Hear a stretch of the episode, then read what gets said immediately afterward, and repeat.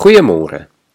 Ons kyk hierdie week so bietjie na die reformatie en spesifiek die solas van Martin Luther. Vanoggend staan ons stil by sola gratia, genade alleen. Dit is alleenlik deur genade dat ons gered word. Dit is alleenlik genade dat God homself aan ons geopenbaar het. Dit is alleenlik genade dat God mens geword het, gesterf het opgestaan het sodat ons kan lewe. Daar is nie 'n ander godsdiens wat 'n genadige God verkondig nie. Ja, soos ons Sondag tydens die prediking gehoor het, is hierdie baie vreemd, onlogies en selfs dwaas in die wêreld se oë. Hierdie genade was vir Luther 'n nuwe ontdekking.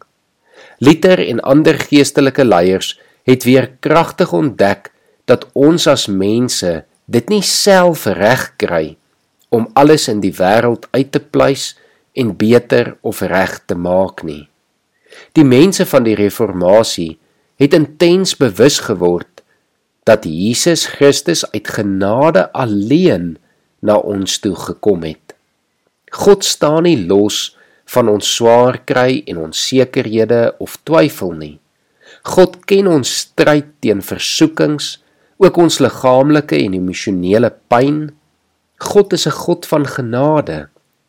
Hy draai die beginsels van 'n wêreld van vergelding om. Die reformatie laat ons weer die regte evangelie onthou. Toe alles vasgeloop het en toe dit baie duidelik word dat ons met ons menslike vermoëns en selfs wette en regstelsels nie die diepste probleme en pyn van die wêreld kan oplos nie, het God ingegryp en sy seun gestuur.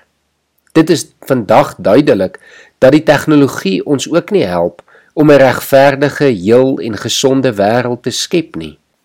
Die moderne wêreld is nie veel beter af as ons verlede nie.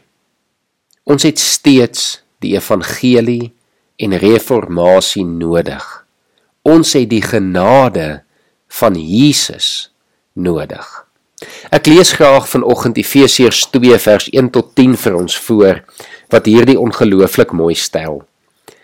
Julle was dood deur die oortredings en sondes waarin julle van tevore geleef het, volgens die bose lewenswyse van hierdie bedeling, volgens die heerser oor die mag van die lig, die heerser van die gees wat nou aan die werk is onder die seuns van die ongehoorsaamheid Ons almal het van tevore soos hulle opgetree toe ons die begeertes van ons sondige aard en van ons gedagtes uitgeleef het. Ook ons, soos al die ander, was van nature kinders bestem vir die oordeel. Maar God, ryk in barmhartigheid, het ons, alhoewel ons dood was as gevolg van die oortredings, op grond van sy groot liefde, waarmee hy ons liefgehad het, saam met Christus lewend gemaak. Uit genade is jy verlos. Ja, hy het ons in Christus Jesus saam opgewek en saam laat sit in die hemel, sodat hy in tye wat kom bewys kan lewer van die alles soortreffende rykdom van sy genade deur sy goedheid aan ons in Christus Jesus. Want Uit genade is jy verlos deur geloof. En juist dit kom nie uit jouself nie. Dit is die gawe van God. Dit kom nie uit eie werke nie, sodat niemand op iets mag roem nie.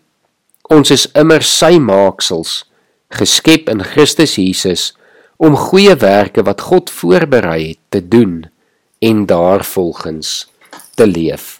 Ek herhaal net weer vers 8 want uit genade is julle verlos deur geloof. En juis dit kom nie uit julleself nie. Dit is die gawe van God.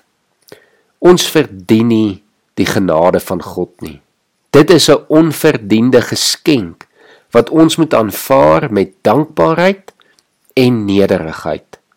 Luther het gesê genade is liefde wat aan jou gegee word ongeag of jy dit verdien het of nie. Kom ons bid saam. Here, dankie vir u genade. Dankie dat u nie na ons kyk oor hoe goed ons is, wat ons reg doen nie, wat ons verkeerd doen nie. Here, dat dit nie gaan oor hoeveel goeie werke ons gedoen kry nie. Here, maar dat dit net gaan oor u liefde. Dat u liefde vir ons genoeg is, dat u genade vir ons genoeg is. En Here dat ons uit u genade kan leef, want deur u genade is ons gered. Amen.